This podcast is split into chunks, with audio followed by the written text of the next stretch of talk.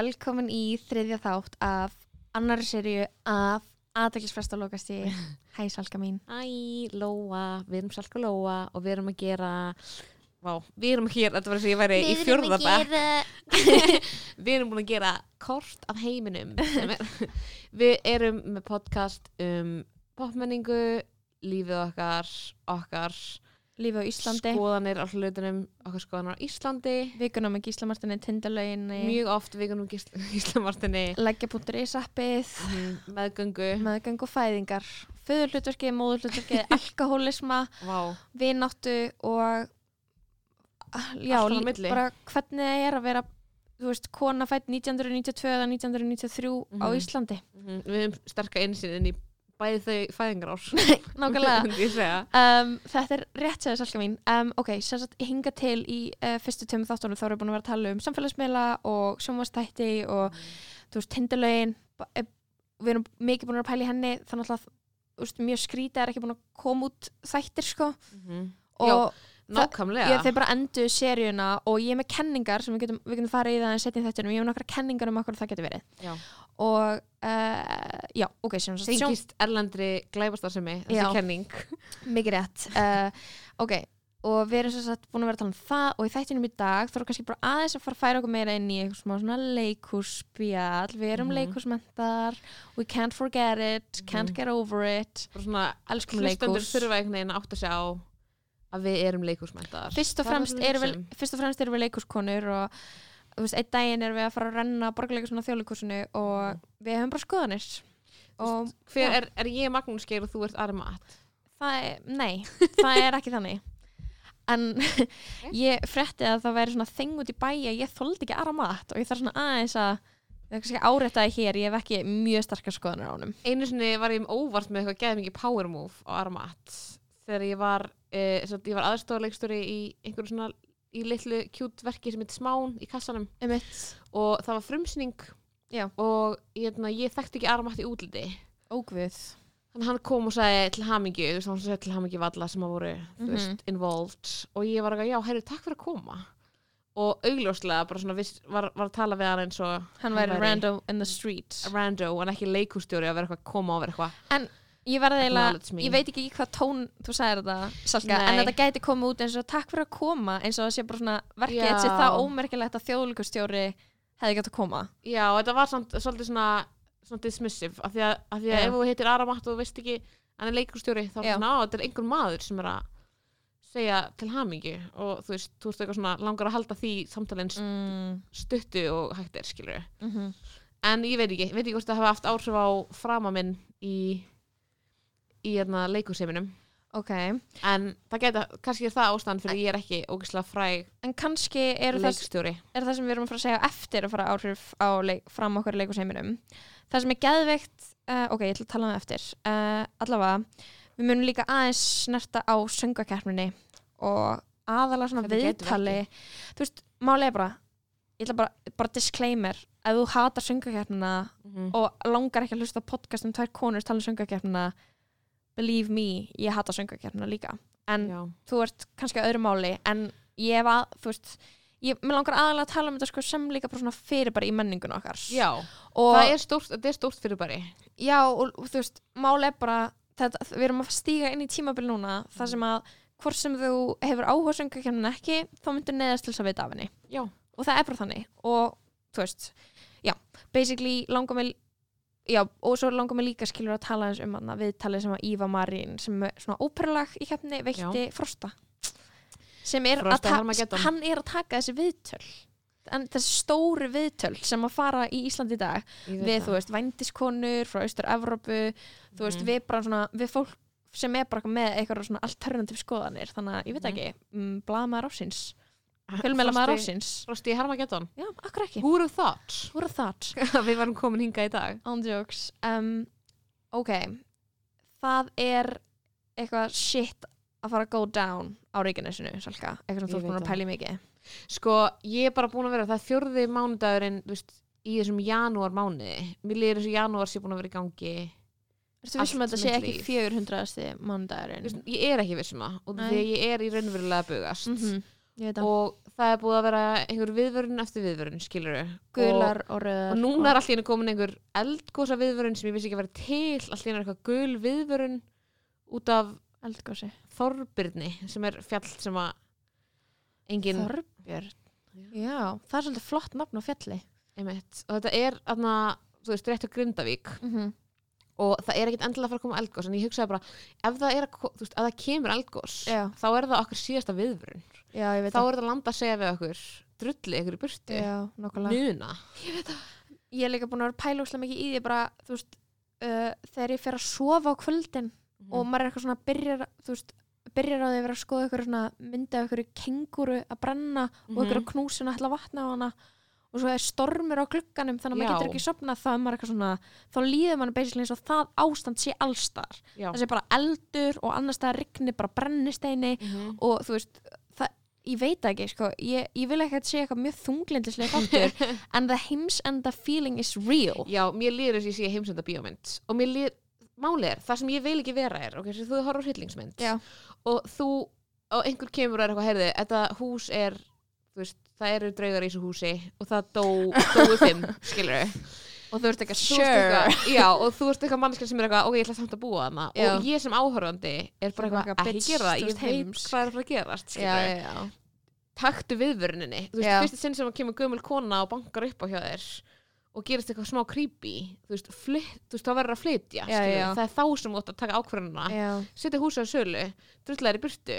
Þannig ég vil ekki vera manneskjan sem er bara ó já, það er búið að, þú veist veðrið er bókstælega búið að valda bara andlátum, skiluru Oh Og- og svo kemur eldgós, þá ætla ég bara að vera manneskja sem er bara, ok, ég tek viðvörunni frá Mhm. þessari heimsenda bíómynd, skiluru ég ætla að drulla mér, til, veit ég hvert? Evrópu, Evrópu. ég Ég, ég er að hugsa um að einmitt flytja til Evrópu sko.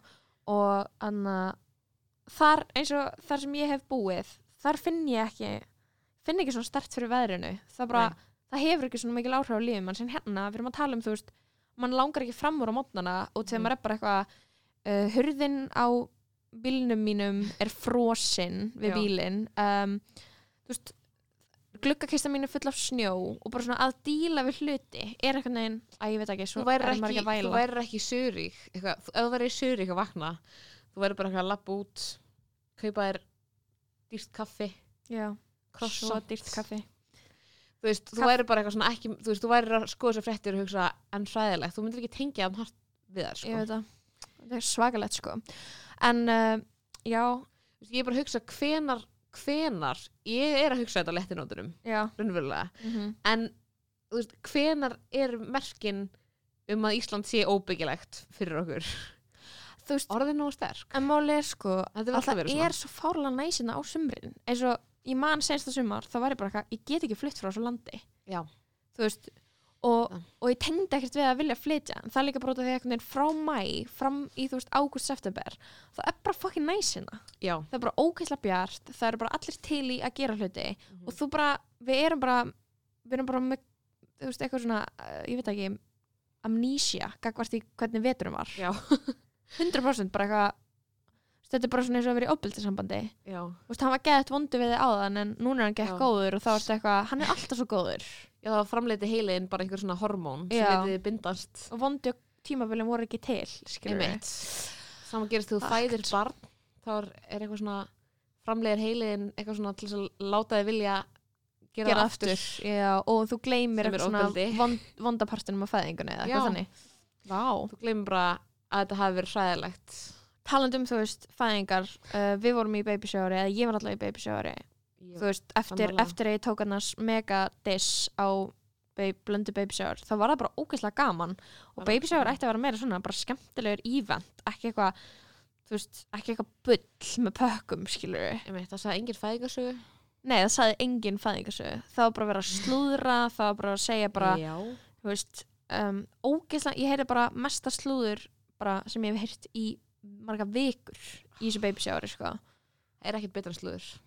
Bókstala er, það er dópið mitt sko. mm og líka, það er eitthvað svona ánægjustöður í heilanum manns. Það hlýtur að vera maður bara svona fá okkar kikk því ég fæ aldrei nóg. Líka út í þessu svona smá eins og eitthvað dörti líka og þú veist eitthvað svona bara eitthvað svona ég á ekki að segja þetta eða bara ég á ekki að ég á ekki að vita þetta.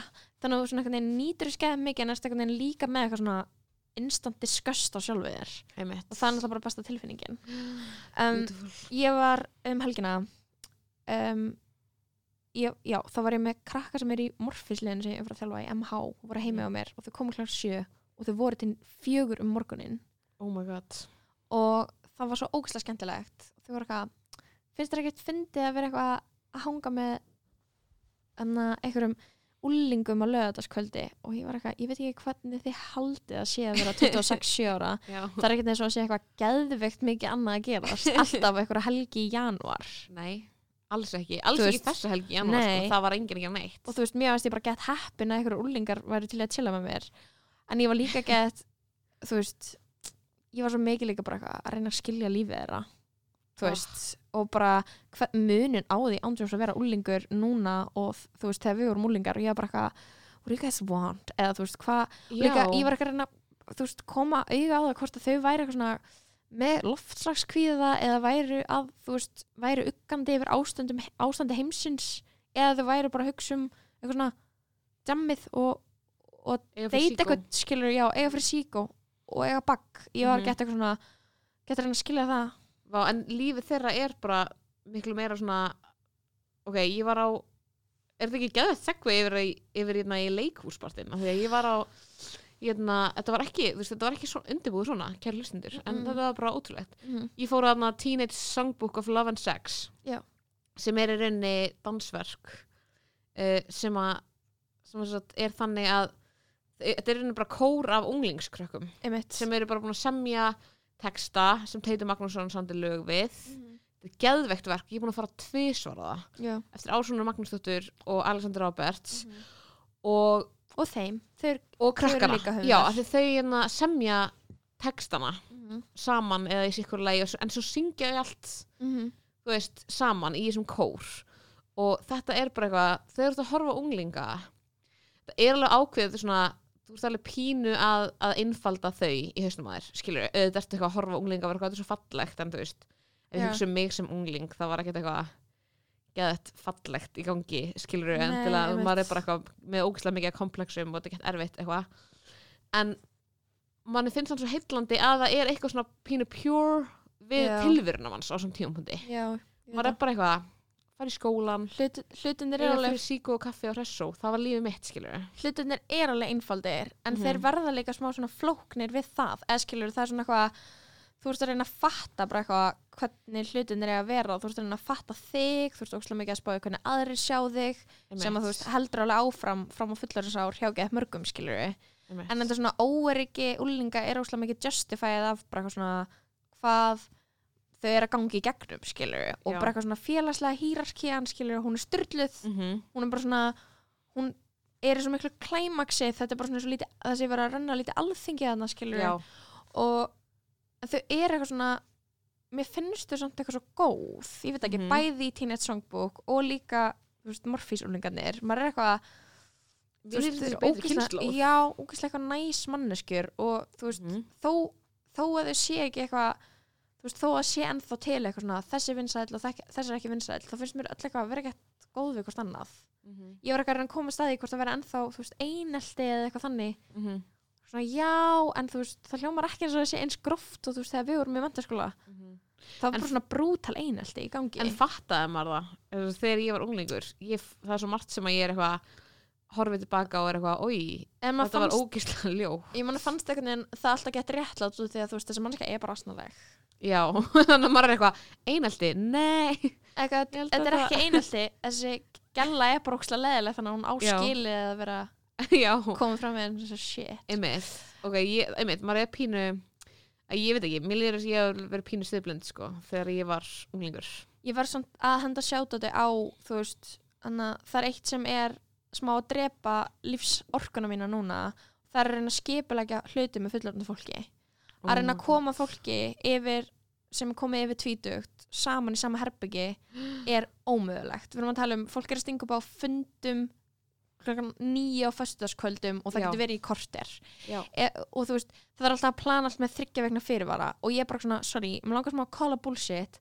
Fólk er ekki svona busy.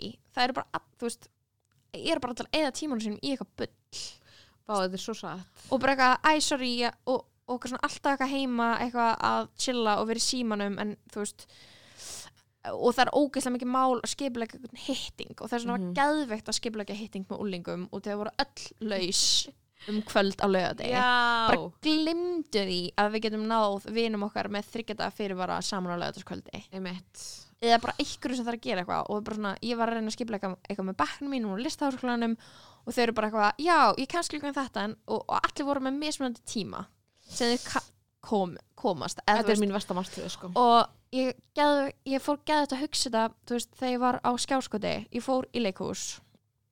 En, já, ok, bæði mig, bara taka undir allt sem þú sagðir um Teenage Songbook, þetta er mm verk ég fór á það. Um, en þú veist, ég er svo, mér finnst ég samt líka gagvart úlingum, vera ógislega mikið manneska í dýragarði, bara svona að reyna að horfa og Já. skilja. Já, þú veist, heldur en að finna Einmitt. geða eitthvað tengingu eitthvað svona, ég Mhm. er ég sé mig í þeim, ég er meira svona eitthvað hvað, hvað snúist þið um skilur Já. og það er mér svo ógeðslega breytti tímar ég held líka að verkið, þú veist, snúist alveg pínum það að svona mörgu leiti er verkið konseptið á baku verkið, skilur við? true. Svo jafn mikið og allt annað, bara svona ferlið á baku við að það að þeim sé sapna saman í einhvern hóp sem að mun kannski þekkjast lengi eða draga einhverja- empowering skilur, hvað þau fá að gera skilur bara svona það að þau séu að gera þetta og líka bara eitthvað svona en líka bara sjá eitthvað hvað þau eru komin miklu lengra, þau eru með eitthvað druslugöngulag og eitthvað Mhm. og ég er bara eitthvað ég var að, þú veist, skipulegja druslugönguna fyrir nokkrum árum, skilur eina af þeim sem voru í hóptum að skipulegjana -hmm. og ég var bara eitthvað, ég er ekki samt ekki með jafn inngróið inn í mig bóðskap hennar og þau eru, eða skilur Nei, hann er svo náttúrulegur fyrir þeim og því að Já. þau bara þú veist, heyrðu um hann þegar þau voru ung. 12 ára, eða þú veist, eitthvað svona, þau eru bara alin upp við hann. Mér finnst líka smá, en ég fór svona að hugsa eitthvað svona, er ekki smá leðilegt líka að þú veist það sem þau hafa upplifað eitthvað svona og fengið að sjá í gegnum netu og fjölmjöla er bara svona ógeðslega mikið meðutund um þú veist, kynfyrirsofbildi og Já. marrindmál og ég var eitthvað svona ég var svona heppin að þú veist vera 17 ára þú veist, ég hafði ég óttaðist ekki neitt já, akkurat og ég var ekki vissum að, að þú veist, slæmi hlutum myndi gerast í kringum mig og ég þekkti ekki marga sem voru óbeldismenn og ég þekkti ekki marga Mm. stelpur sem hefur verið beittar óbeldi bara því að það var skilur undir yfirborinu já. og þar leðandi, þú veist, þá voru það líka þú veist, samfélag okkar hefur batnað en það voru líka forritindi að vera ekki svona ókislega meðutaður um það Mhm. en ég held líka, þú veist, að núna sé það bara þannig að að, að því að þau, þú veist, í eðli sínu eru þau eitthvað svona einmitt, óttast einhvern veginn ekki neitt að ég held að, sé, að, held að það yfirfærist samt yfir á þetta, eða skilur þau þegar þau eru að Mm. tala um þetta, þau eru að tala um eitthvað, ég er drusla og þau eru að syngja lag sem er í rauninni um bara svona ofbeldissamband svona kynferðsofbeldi mm -hmm. og þau eru samt einhvern veginn með þetta attitút gagvart því þannig að þau bara losna við eitthvað svona skömmina og ekki tala um það já, já. og svona ég hugsaði sér samt, þú veist, mér varst það svo merkilegt skilur, ég hugsaði Mm. bara þegar að segja hluti sem fólk sem er, skilur bara eitthvað 50 núna þú veist, mun kannski aldrei geta sagt. Nákvæmlega það, og Íslendingar er eru svo ógeðslega lélega að tjá sig. Já, ég hugsaði bara það er ótrúlega mikil svirði. Mm -hmm. bara sér að þeir eru bara eitthvað saman og þeir eru bara getið talað um þetta og þeir eru bara eitthvað á öllum veist, líka mjög meðvitið um allt svona bara eitthvað, þú veist, flæði kynja og kyngerfi fólks og svona. Mhm. og, og taka unglinga-attitútið á það sem er eitthvað þetta er ekkert mál og ég er eða skilur það er svo Mhm. klikkað Mhm. uh, Já. love, shout out á þessi sýningu bara hún er geðvik en uh, skjáskot, ég fór svo satt á skjáskot sem er upp úr Bergs Ebba, það er svona bók sem Bergur Ebba skrifaði sem kom út og þú veist var í jólubókaflóðinu og svo vinnur hann upp þú veist sýningu sem er svona fyrirlestraformi og er í leikhúsi. Mhm, svona áhugaverst að sjá eitthvað í leikhúsi sem er ekki gert af þú veist leikhúsmannisku mhm. og þú er engin krafa á að vera skiluru leikbær eða Einmitt. þú veist skapandi með rýmið eða nota ljós eða nota hljóð eða þú veist eitthvað, þetta er bara Mhm. manneski standand á svið að flytja fyrirlestur skilur og það sem, það sem hann gerir þú veist, það er dramatík skilur hann vinnur alveg með suspense og tímasetningar og þannig veist, þannig að þetta er ekki þurrt Nei, nei.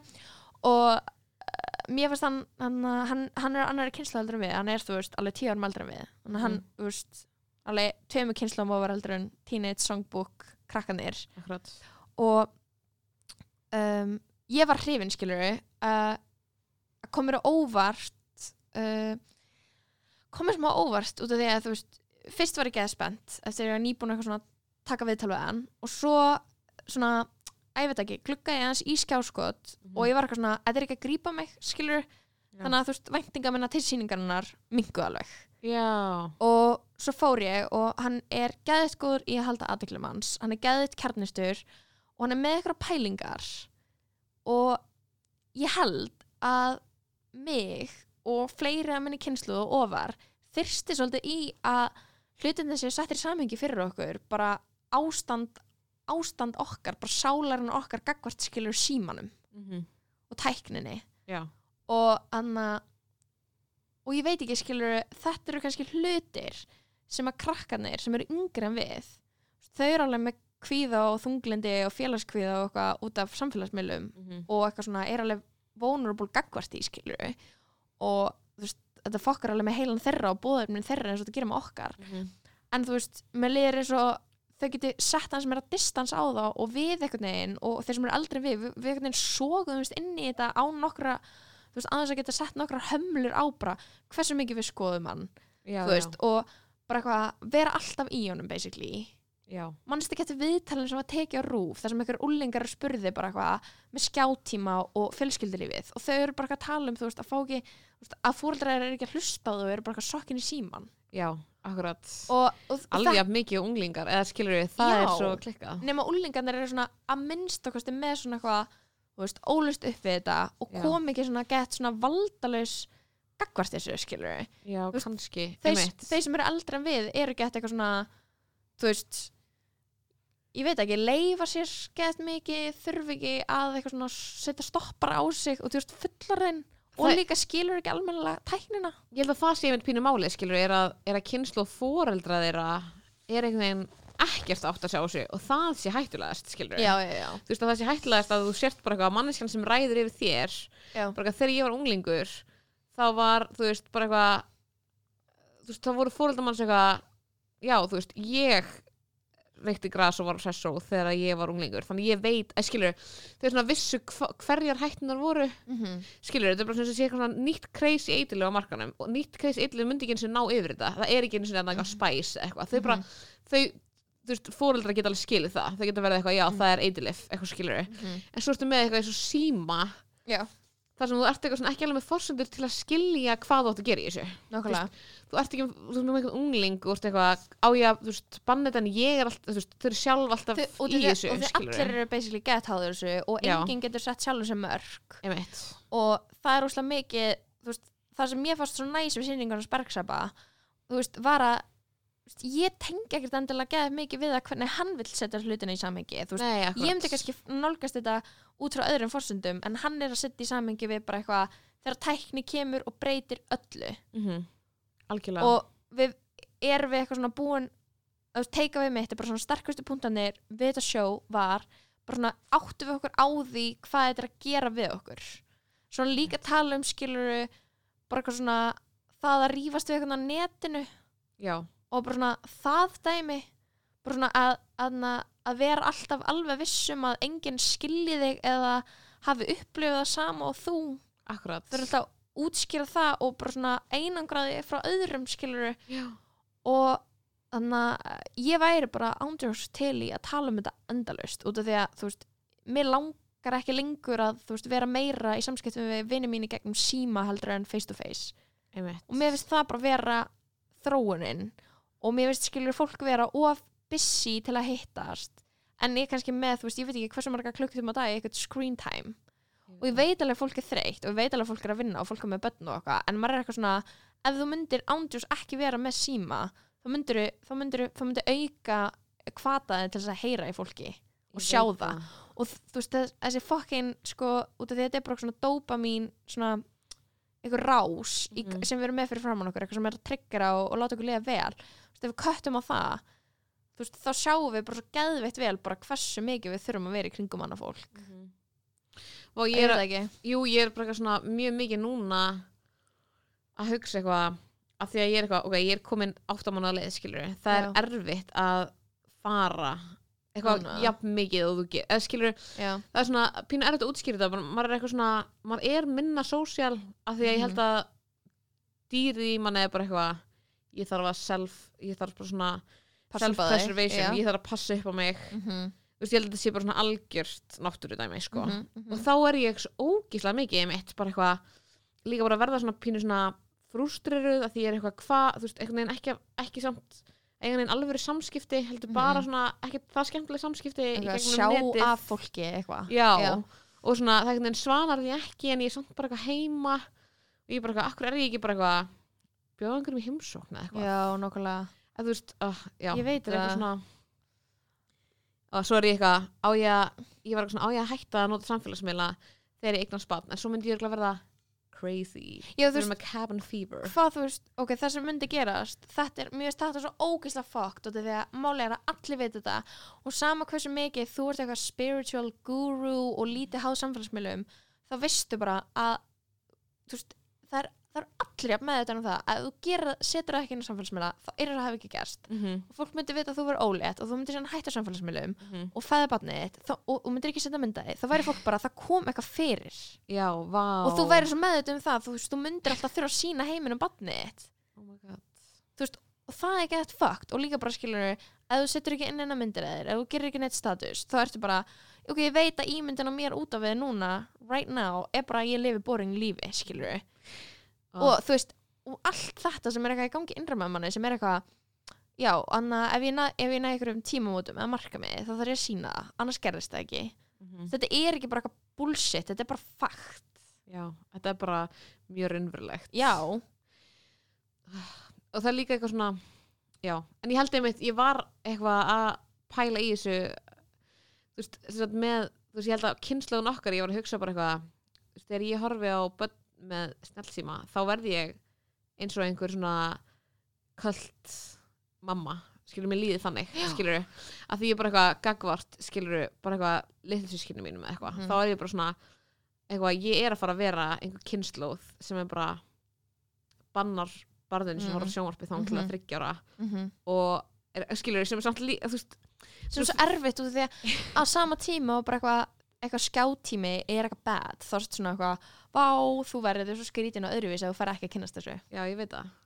Og eins með okkur líka bara eitthvað ég myndi, ég myndi hætti að vera relevant fimm minútum eftir að ég hætti í símanum skilur já, en svo samt ekki, svo bara svo, svo heitir fólk og þú veist eitthvað, mannski sem er ekki á samfélagsmiðlum svona vinnumann sem er Já. svona nokkri sem er eitthvað nota ekki samfélagsmiðla og þú veist eitthvað, ó, þú þú getur margt skemmtilegt að segja og lifir, eða fattur hvað ég meina Já. meðvindin mínum lífi er ekki alltaf lítill. Já, svo hitti ég þau og er eitthvað svona, já, vá svona smá dett út úr mm þessari pælingu og er eitthvað, já, auðvitað það er til fullt af fólki sem að lifir geðveiku Áhugaverðu lífi. lífi, já. þess að fyrir á þessu uh, og þeirra sigrar er alveg eitthvað merkilegir og annara eða skilja þetta er svo uh, við erum öll ógslag súr. Og það er janúar. Þetta er bara það, það er bæði, þú veist, minnst að gera þú veist, bara yfir höfu bara eitthvað ekkert skemmtilegt að gera skilur og umhverfist viður og eitthvað og svo eitthvað, þetta samfélagsmiðla dæmi bara eitthvað að rústa manni. En ég er bara eitthvað, mér langar samt að hætta sko og ég held að þurfa bara svo að hugra ekki þetta er eins og Andra Elín Sviðslistakona vinkona Mm. okkar þú veist, þegar hún ákvað fyrst að hætta að kaupa fött og röddum gett mikið um þetta í ferli á einu verki sem við vorum að gera sem er eitthvað svona ok, það að hætta að kaupa fött er að sætta sig við það að eitthvað svona stað, staðlar fyrir það að vera cool og það sem ekki flott og eitthvað, skilur, þú getur ekki lengur kompítað við þá sem að er, er að kaupa fött skilur út af því að þú Mm. mynd þurfa að vera alltaf í sömu fötunum og Já. það þykir, þykir ekki flott og svo myndi ekki geta hoppað inn í trend út af því að þú veist þú ert ekki að kaupa fött þannig að þú þarfst alltaf að vera kannski smá bara last year, last Mm. season eitthvað skilur og að þurfa einhvern veginn að, að sætta sig við að kúlið droppi já. það er eins á samfélagsmiðlum bara þannig að það er bara það er bara þú ákveðið högg fyrir egoið skilur það er högg fyrir egoið og það er líka úrst, úrst að detta út úr mesta relevant kontekstinu mm -hmm. þú hann getur ekki tryggt að fólk muni eftir þér og Akkurat. þú ert að gera þig að outsider. Og þú getur líka, það eru svo margir hlutir þú veist, þess að við erum eitthvað með uppistand og eitthvað. Já, Þú veist, við erum einhvern veginn að að koma okkur að plugga því? bara eitthvað, hvað ég að gera skilur þú veist, þetta er að einhver leiti vinnan manns og það er líka eitthvað svona þróun það er ógislega súrt. Mér finnst ógislega á sérst fyrst og fremst og ég var að taka viðtal við raunveruleika stjórnu mm. og hún, hann er svona ekki áhrifavaldur skilur Mhm. en þú veist, veit er ógislega mikið samt inn í því geimi, skilur, eitthvað áhrifavalda geiminu. Já. og þannig að þú veist, þekkir áhrifavalda, þekkir raunveruleika stjórnur og eitthvað. Og maður er eitthvað, fyrst það breyttist eitthvað ógislega mikið með samfélagsmiðlum sem var þannig að þú veist, fyrst frægur fyrir eitthvað. En þú veist, þú verður ekki ógislega góður í ykkur verður frægur fyrir það. Já, heldur ertu bara frægur og þá fer að gera alls konar. Þú veist samfélagsmiðla stjarna og þá getur kannski fengið vinnu við, í ykkur sjónvastætti eða þú getur fengið það cool, cool job út af því að þú veist út af því að einhvern veginn Instagram followerðinir veist, það er alltaf einhvern dæmi og kannski fara að vinna í ykkur nýju fyrirtæki þú veist ekki, herri, já, ég er með 80.000 followers á Instagram. Þannig að þú veist, það gekk gott fyrir ykkur ef ég vinn hérna á því að það gekk góð auðlýsing fyrir ykkur. Mhm. eitthvað svona dæmi, þú veist, þetta er bara eitthvað að rúlla á við. forsendum. Já, fórsetunar fyrir því að vera þekktur er orðnar eitthvað aðrar. Já, og líka einmitt, þú veist, bara eitthvað, hvernig ætla maður að fá fólk á uppstandi sitt eða þú veist ekki að posta þau á svo smet hver ætlar að vita að það sé í gangi? Uh hvað ætlar að gera, setur plaggut Já, eins og fólk horfi á plaggat Muni- það er bara að horfa í muni síman eftir- sinn.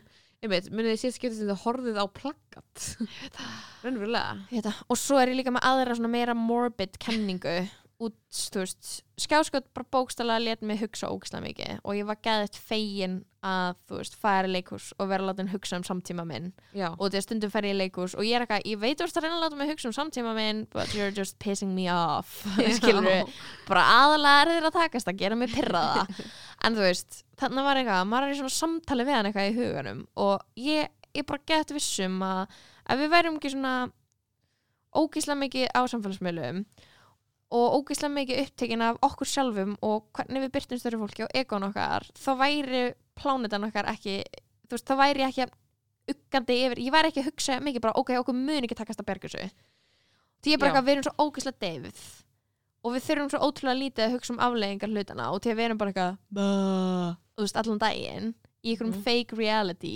þegar, þú veist allt í, þú veist, þú getur ekki hugsað, þú getur ekki bara eitthvað frá Instagram þegar að skóurinn fyrir utan húsið þetta er að brenna, skilur í Ástralíu. Ég veit og ég er bara eitthvað, þú veist við erum öll að fara að fara inn í þetta gett deyfð og það er gett þú veist, mér finnst þess að þetta sé að hindra okkur gett mikið. Oh my god, það er svo mikið bara 27. janúar maður. Og- og þú veist, eitthvað svona út af því að samfélagsmiðlar fokkuðu upp líðræði bara, það er ekki tilviljun eins og Bergarabbi segir, ekki tilviljun getur ekki verið tilviljun að við fáum samfélagsmiðla 2010 og 10 árum setna séum við með fígúru sem er hann er fígúra, já, Donald Trump fasisti sem valdamæsti maður á Vesturlanda þetta, þetta, þetta er rauninni bara hlýtur að vera bein afleðing þess eða það má svona áætla það.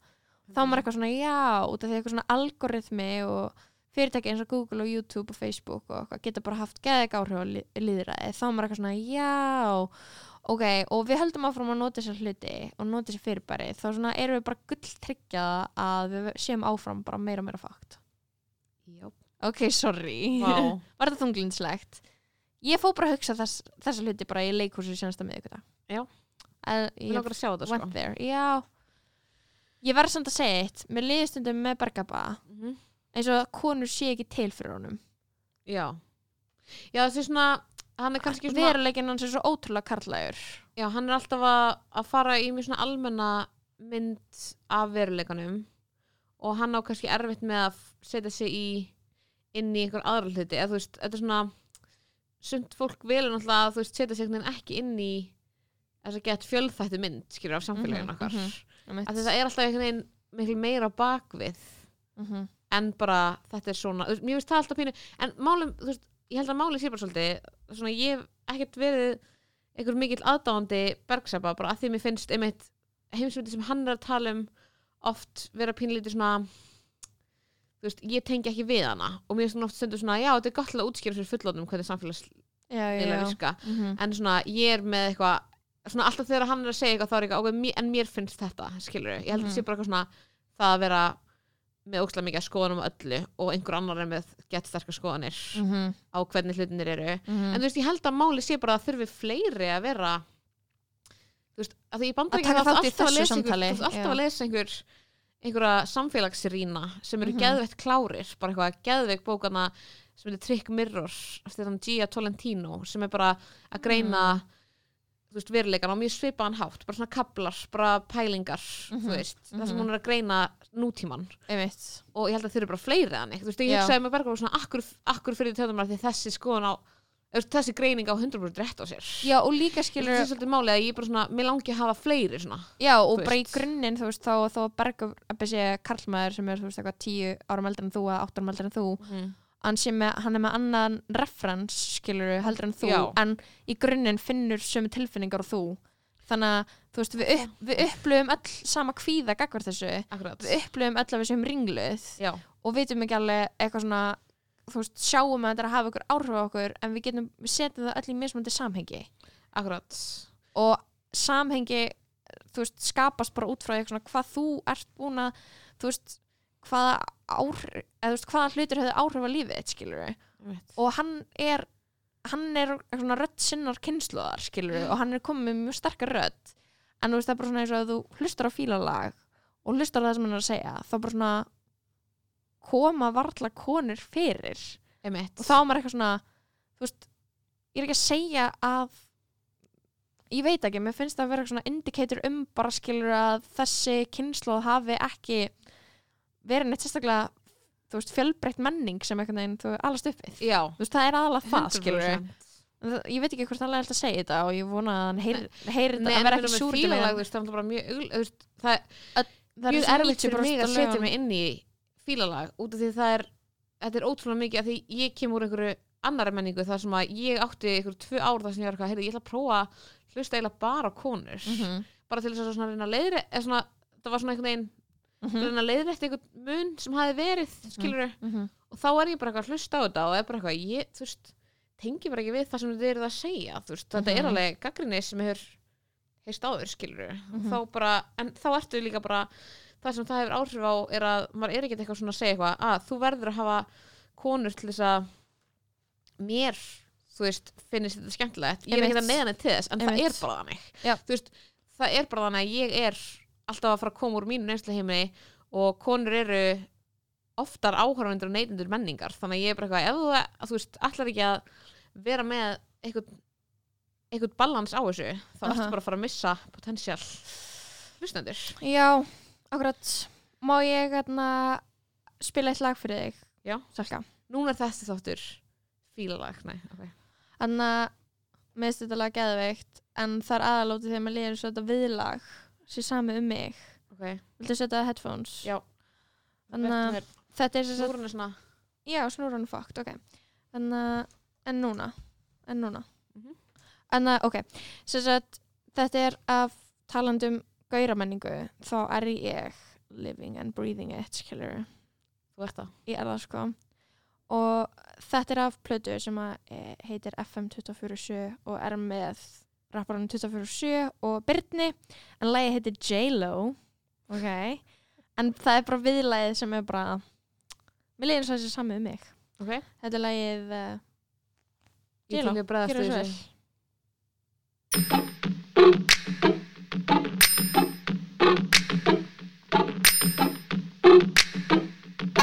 Hún er fúl, hún er leið, hún er pyrru, hún er þreytt Aðra stelpur alltaf mig segi nei, nei, nei, nei, nei.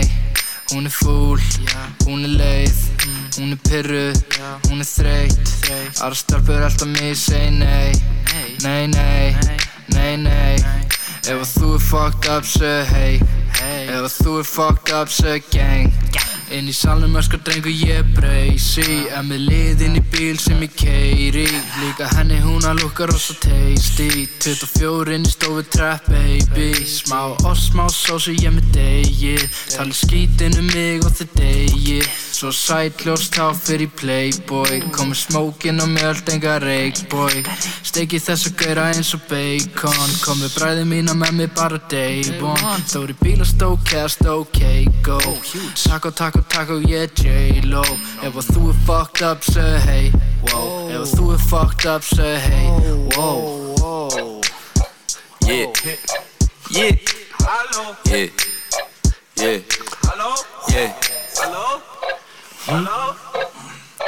Elda silfur, elda silfur, elda silfur Ég með gull, gull, gull Ég græti milló, það er að milló Eittir millunum í rugg, rugg, rugg, rugg Ég kann ekki spara peninga, ég eigi þeim í bull, bull, bull, bull. En ég get verið broke as fuck Samt að fljúum eins og fugg, fugg, fugg Hvíli mig ekki, ég til slíper Ég með pínu vatn á mér lítir. Wow, samt tölvi fíkilinn í mér. Ey, þeir eru mjög flott en ekkert lík mér. Yeah, ég JP Justin Bieber. Yeah, alla línur á eins og símaver Hvart að tala um ég er kýper Wow, polo hestur á mér, hún vil ríða mér. Yeah, Hún er fúl, hún er leið, hún er pyrru, hún er þreytt. Aðra stelpur alltaf mig segi nei, nei, nei, nei, nei. Hún er fúl, hún er leið, hún er pyrru, hún er þreytt. Aðra stelpur alltaf mig segi nei, nei, nei, nei, nei. Hún er fúl, hún er leið, hún er pyrru, hún er þreytt. Aðra stelpur alltaf mig segi nei Nei, nei, nei, nei. Hún er fúl, hún er leið. Hún er pyrru, hún er þreytt. Aðra stelpur alltaf mig segi nei Nei, nei, nei, nei.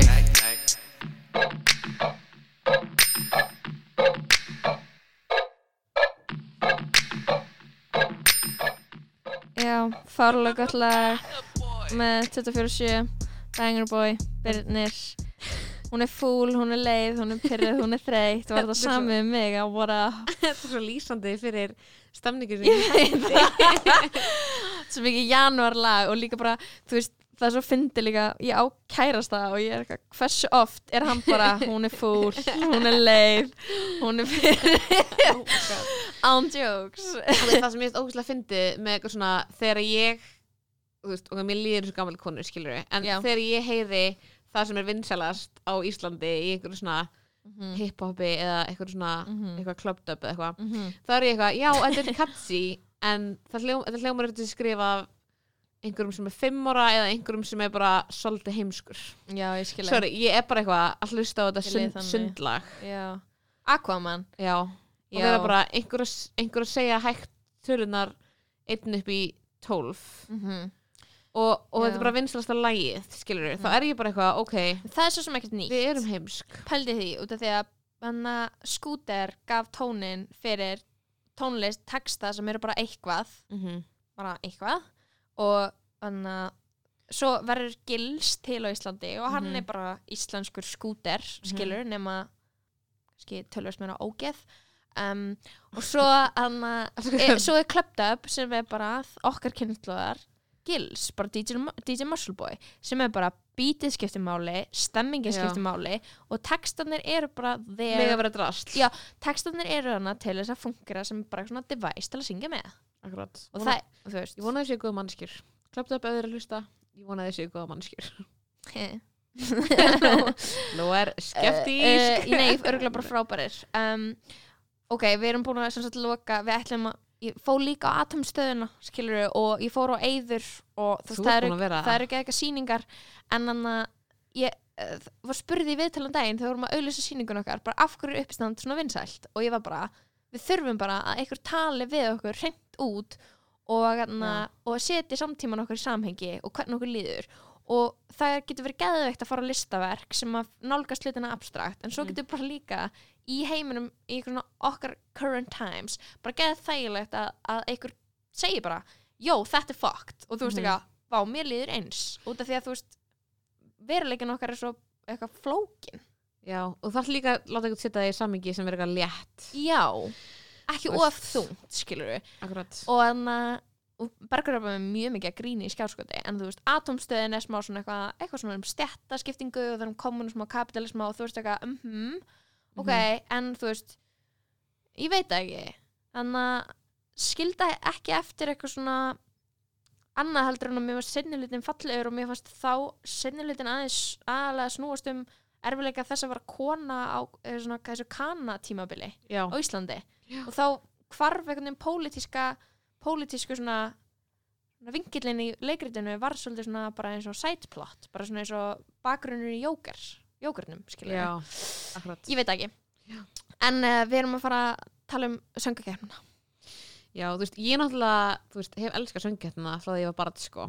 Já, og veist, ég sniðgekk hana í fyrra sem var erfitt fyrir mig. Mhm. Sorry, fólk sem að sniðgekk söngkeppni í fyrra áskilja bætur.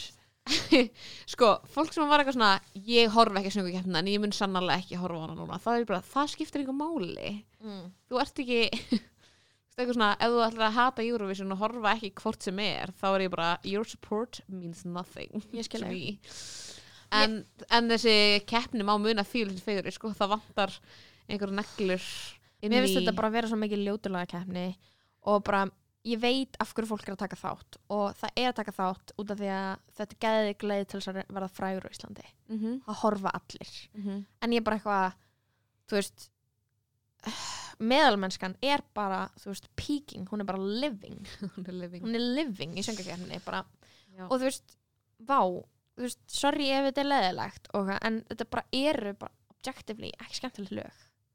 Nei, þú veist, þetta er málið er að aldrei, ekki það bara er í ár. nokkur ár síðan sko, það er nokkur ár síðan að það voru það voru- voru voru neglu sko framlög í og þegar við vorum að velja á milli Frikadór og Marju þá var bara Eh, frikka dórlagi gott. já og óskilulegt að það hef ekki komist áfram. En svo var líka þegar Svala var að taka þátt og Daði fyrir að taka þátt. Það er það var neglu keppni að því að svölulegi var geðveikt. En fór Daði og, kefti? nei, Daði kefti ekki. Hann var í öðru seti, hver vann? Svala. Svala fór út. Fór Svala út? mm gekk ekki vel. Nei, uh, vil ekki tala um það. Nei, ok. Þannig að en það sem gerist alltaf við, ég er með pælingu sko, þegar að mannfjöldin fær að velja. Mhm. þá komist við bara alltaf að meðalmennsku niðurstöðu já, það geta ekki all, get, getur ekki fengið hóp sem flikir sér bak við eitthvað sem er gott. Það er svona Katy Perry fræg. Já, það er mjög satt sko. Af því að þá ert þú að reyna að koma að staðið mitt eitthvað svona að allir geta verið sáttir við. Já, þú veist eins og geðviki listamenn eru alltaf með eitthvað svona sem að fjöldin mun kannski ekki skilja. Akkurat, eitthvað sko, svona, og núna er þetta, þú veist, staðið þreir eru að keppa aftur. Já. og það, ég get alveg séð það fara út sko. Ég get alveg séð að, þú veist, hann að því að bara eitthvað svona, hann sé að fara að fá einhverja uppreið snæru í sér keppni að því að fólk svona sér eftir að hafa ekki sendt hann. Svona, er sem er samt ógeðslega bang- fyndið. er lægi hans núna jafn mikill banger og veit það ekki sko. Að- við við pínast að sjá það á sviði. Þú veist það það er einhvern veginn svona munalega skýr úr það en samt eitt með eitthvað svona ef við sendum dagafrey að því að hann vann ekki síðast. Fólk er eitthvað svona að er svona heldur að það veist að hann hefði komið skett langt ef hann hefði farið en ekki svala.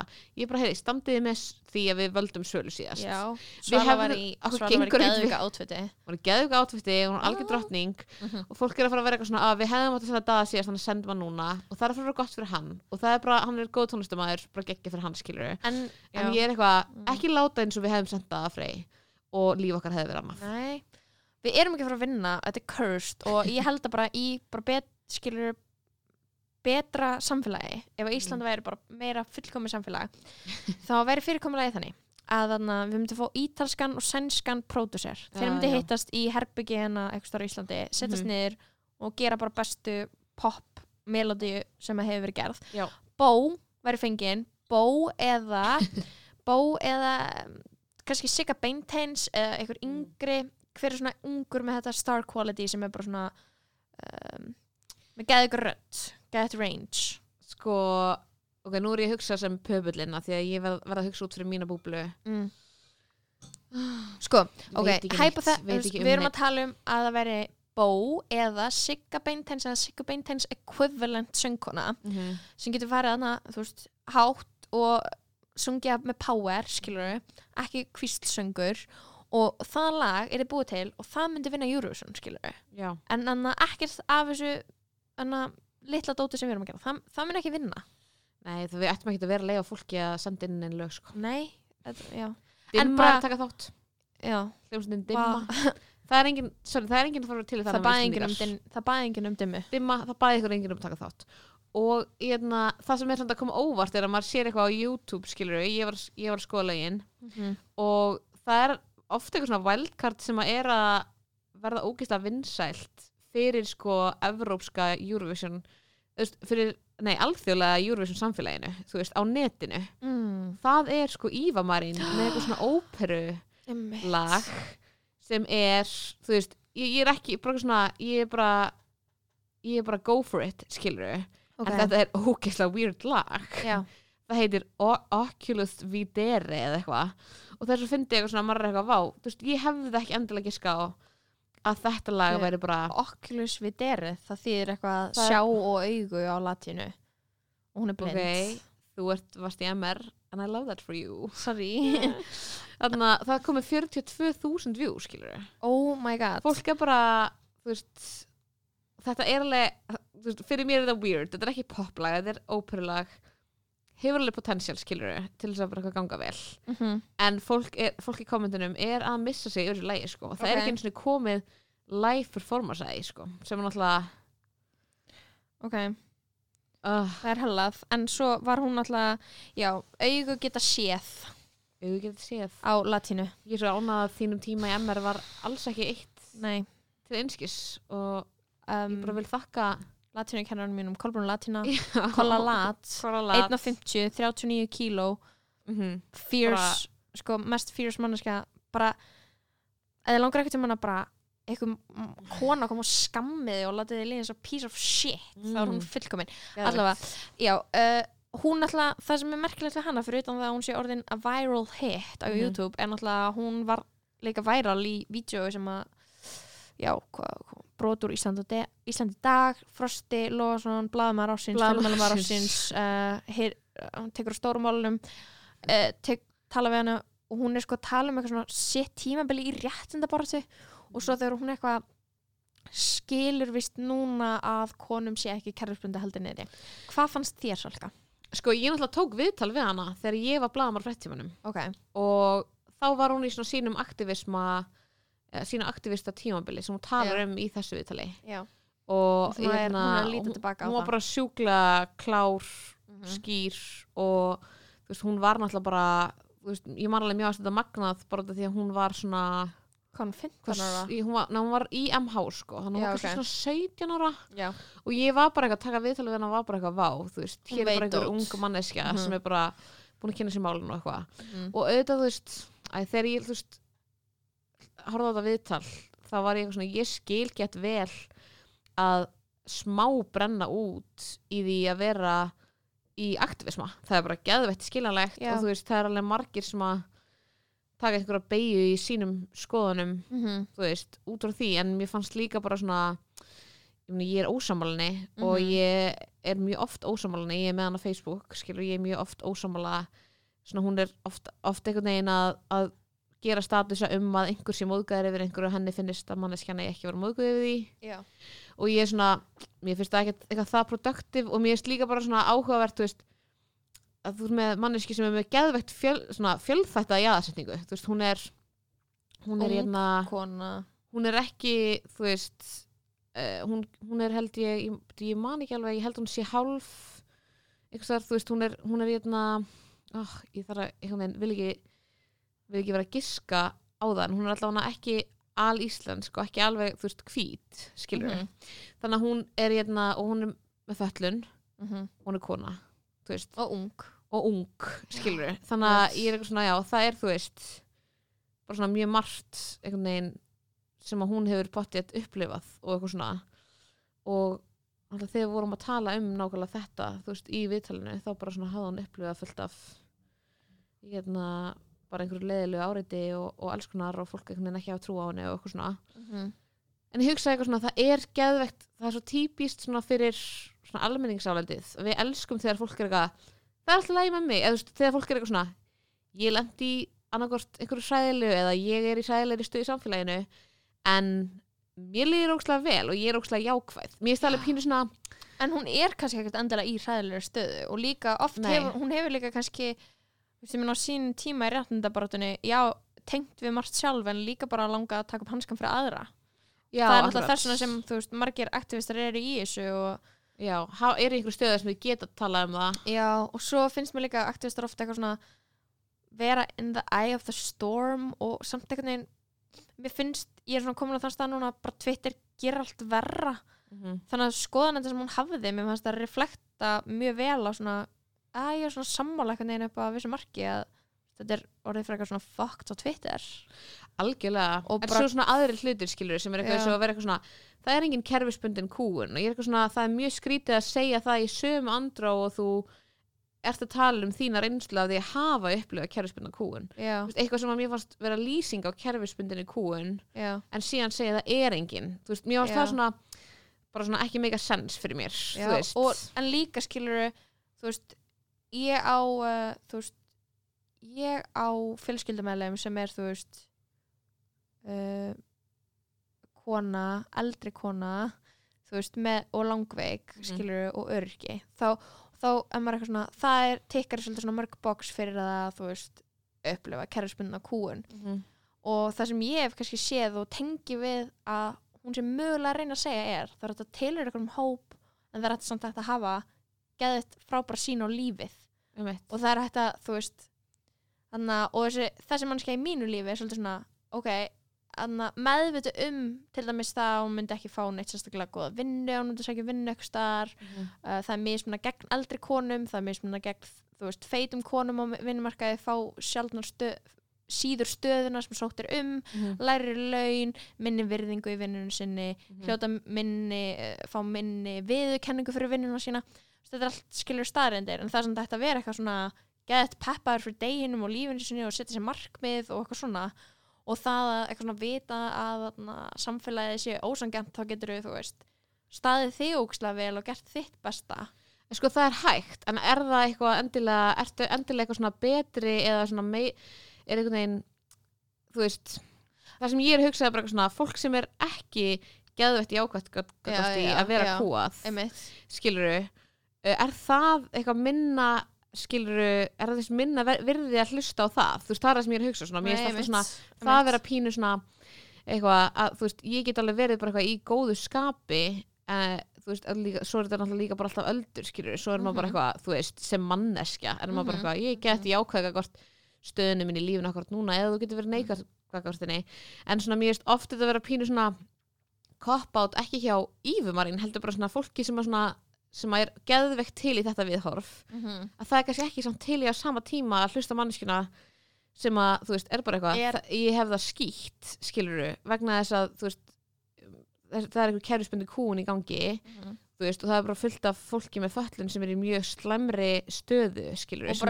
að- ekki að lifa eigin sjálfstæði Já, lífi og ekki, og þegar þau myndu segja sína sögu, þá myndi maður ekki geta hugsað eitthvað eitthvað, já, nákvæmlega, þetta er frábært þú veist, Mhm. maður myndi bara þurfa að horfast í augu við að bara hvað við fáum ekki öll sem tekja fyrir lífinu og, og Akkurat. líf sumra er oft bara frekar blík og lífi getur bara verið, þú veist blík og frábært og þú getur líka verið bara mest að forréttinda manneski heimi en alltaf liðið illa og við getum öll all, alveg hlusta á það og tekið til til þess Akkurat og mér finnst það óslega mikið bullshit líka það sem er náttúrulega bara geð þreytandi er þegar eitthvað ó, ertu kallmaður og liðið þér illa mér, ertu að Já, já. kallmaður maður er eitthvað, ok, þegið, þú veist það er bara erfitt, það er erfitt að vera til í kapitalísku samfélagi, mm punktur. Algjörlega. Kröfunar á þau eru endalausar. Einmitt. sama hvað það ert, skilur, þá ertu aldrei að standa þér nógu vel út af því að þú átt að upplifa skortstilfinningu. Mhm. þannig að þú veist, En mér finnst þetta bara svona vera pínu en þetta er líka bara áhugavert, veist, að því frá hvaða stað þetta kemur, sem er eitthvað, Mhm.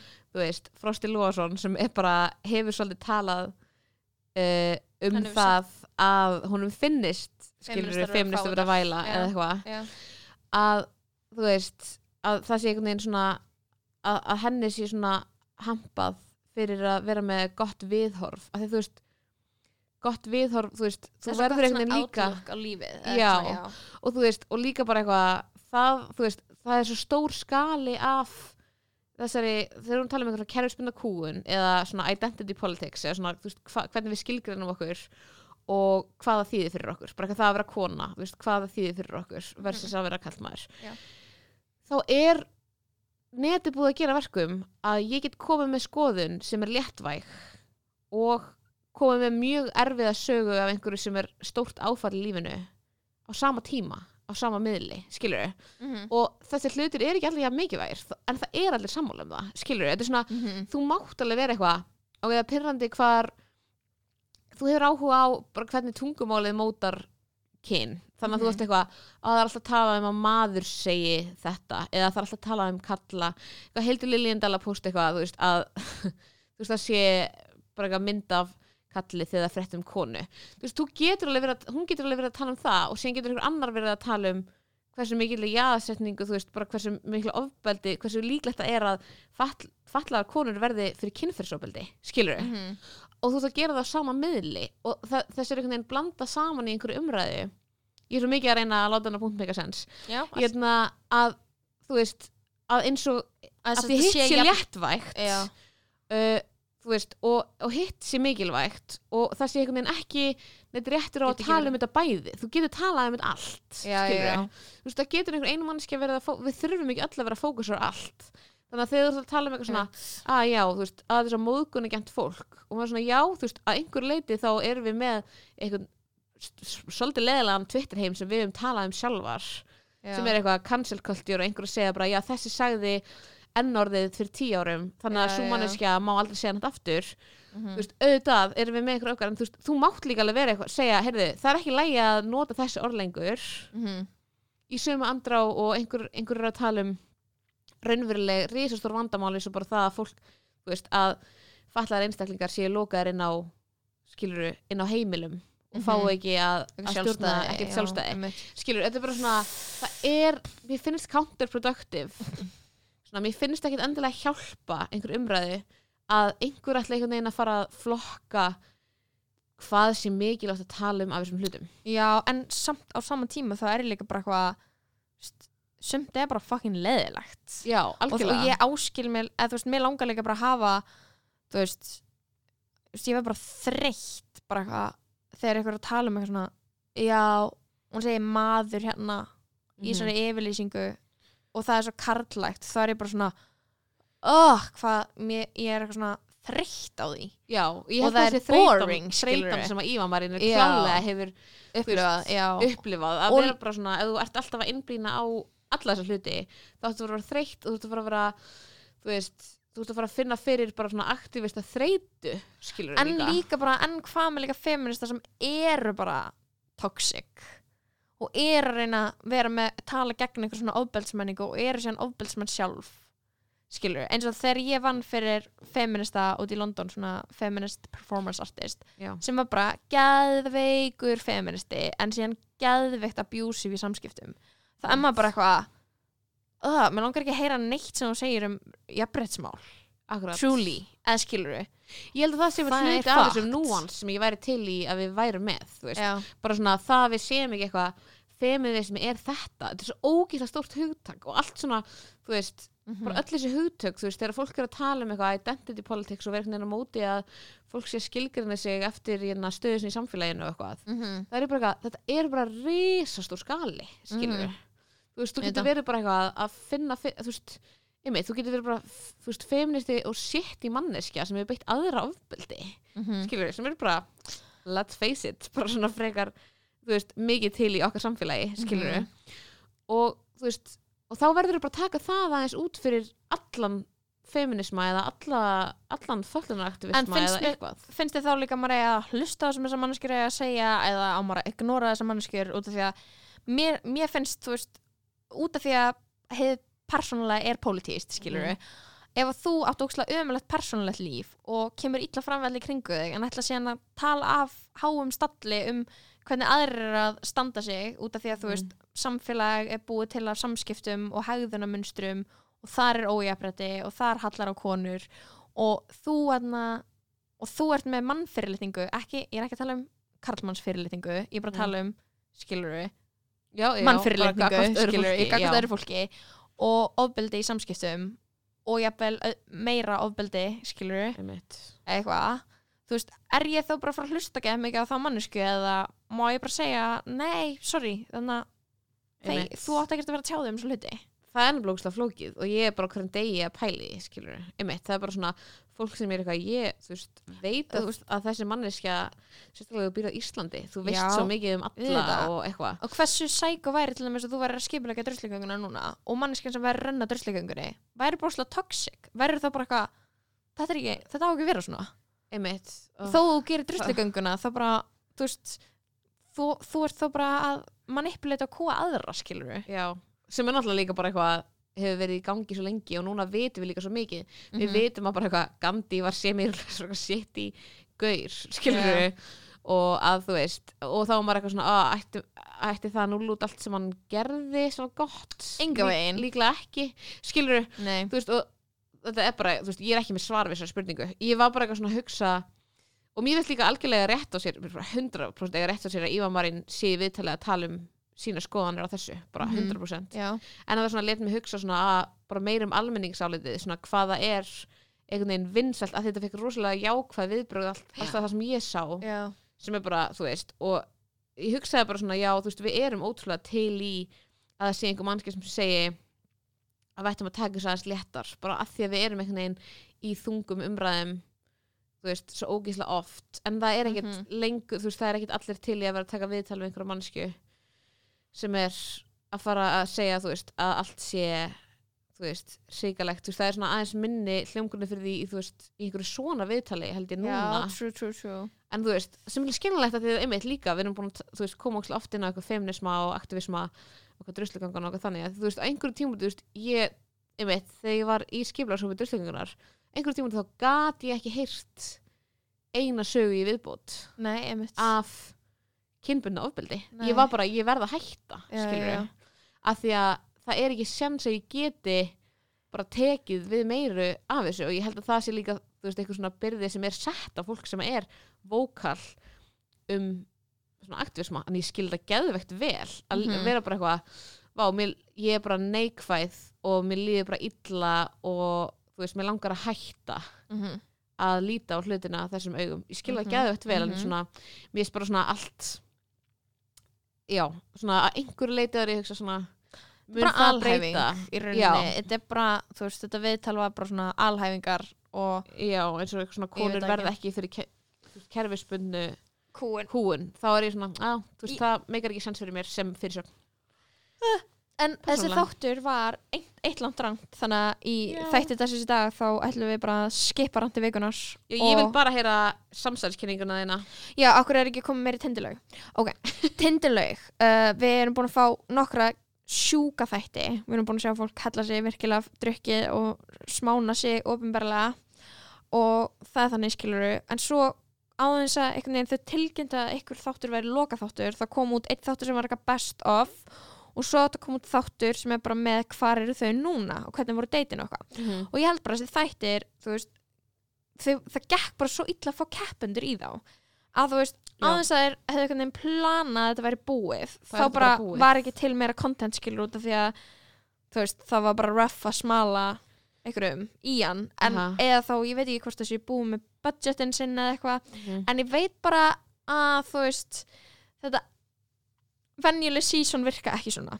Nei, venjuleg season virka ekki þannig að þú gerir fylgta þáttum og svo eitthvað ef fólk er búist í nýjum þætti og það er bara eitthvað, já tjók það er ekki að koma nýjum þáttur það er að koma recap! Og þú veist eitthvað, hvenær kemur það næsti þáttur? Áfæstu þinu með sem bara "Eh, það er ekki að koma, það- senast kom recap og það er ekki að koma nýjum þáttur það er að koma eitthvað svona þáttur. Og maður er eitthvað, ok, þú veist þið þið plönuð ekki nógu vel þið eru svo það. En líka, svo er það líka bara svona mikið fuck you á okkur sem erum eitthvað já, ég er að búist þessu en, en það, það sem svo fyndið er eitthvað svona þegar við höldum að við veitum hvern næsta skref pródusera tindilegan er það fer að þið þurfa á þá fer það ekki verið á átt og það er ekkert sem við getum gert í. Mm-mm. þetta er chaotic evil energy. Ég það.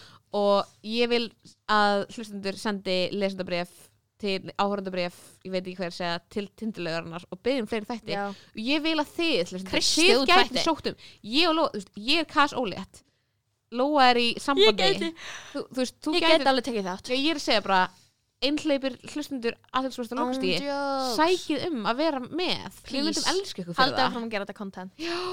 Oh um, Uh, takk fyrir þannig þátt, þetta búið mjög gaman. Við fórum yfir allt í heiminum. Brandum. en við fyrst og fremst gerðum ykkur öll mjög þunglind. Ah. ok, en lokalægum gerir þetta allt betra. Hlusta á Miley og Ariana í millansinskipti okay.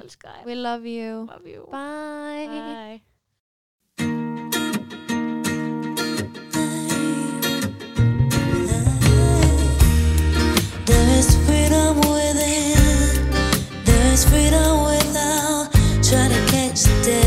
a paper cup. There's a battle ahead, many battles are lost, but you never see the end of the road while you try.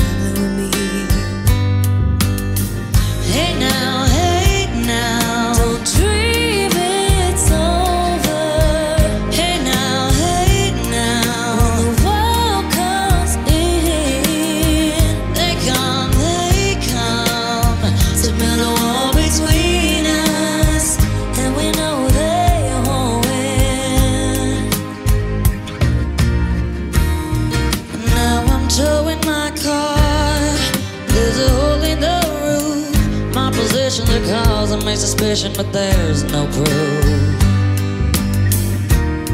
And in the paper today, it tells of horrend of ways, but you turn right over to the TV page.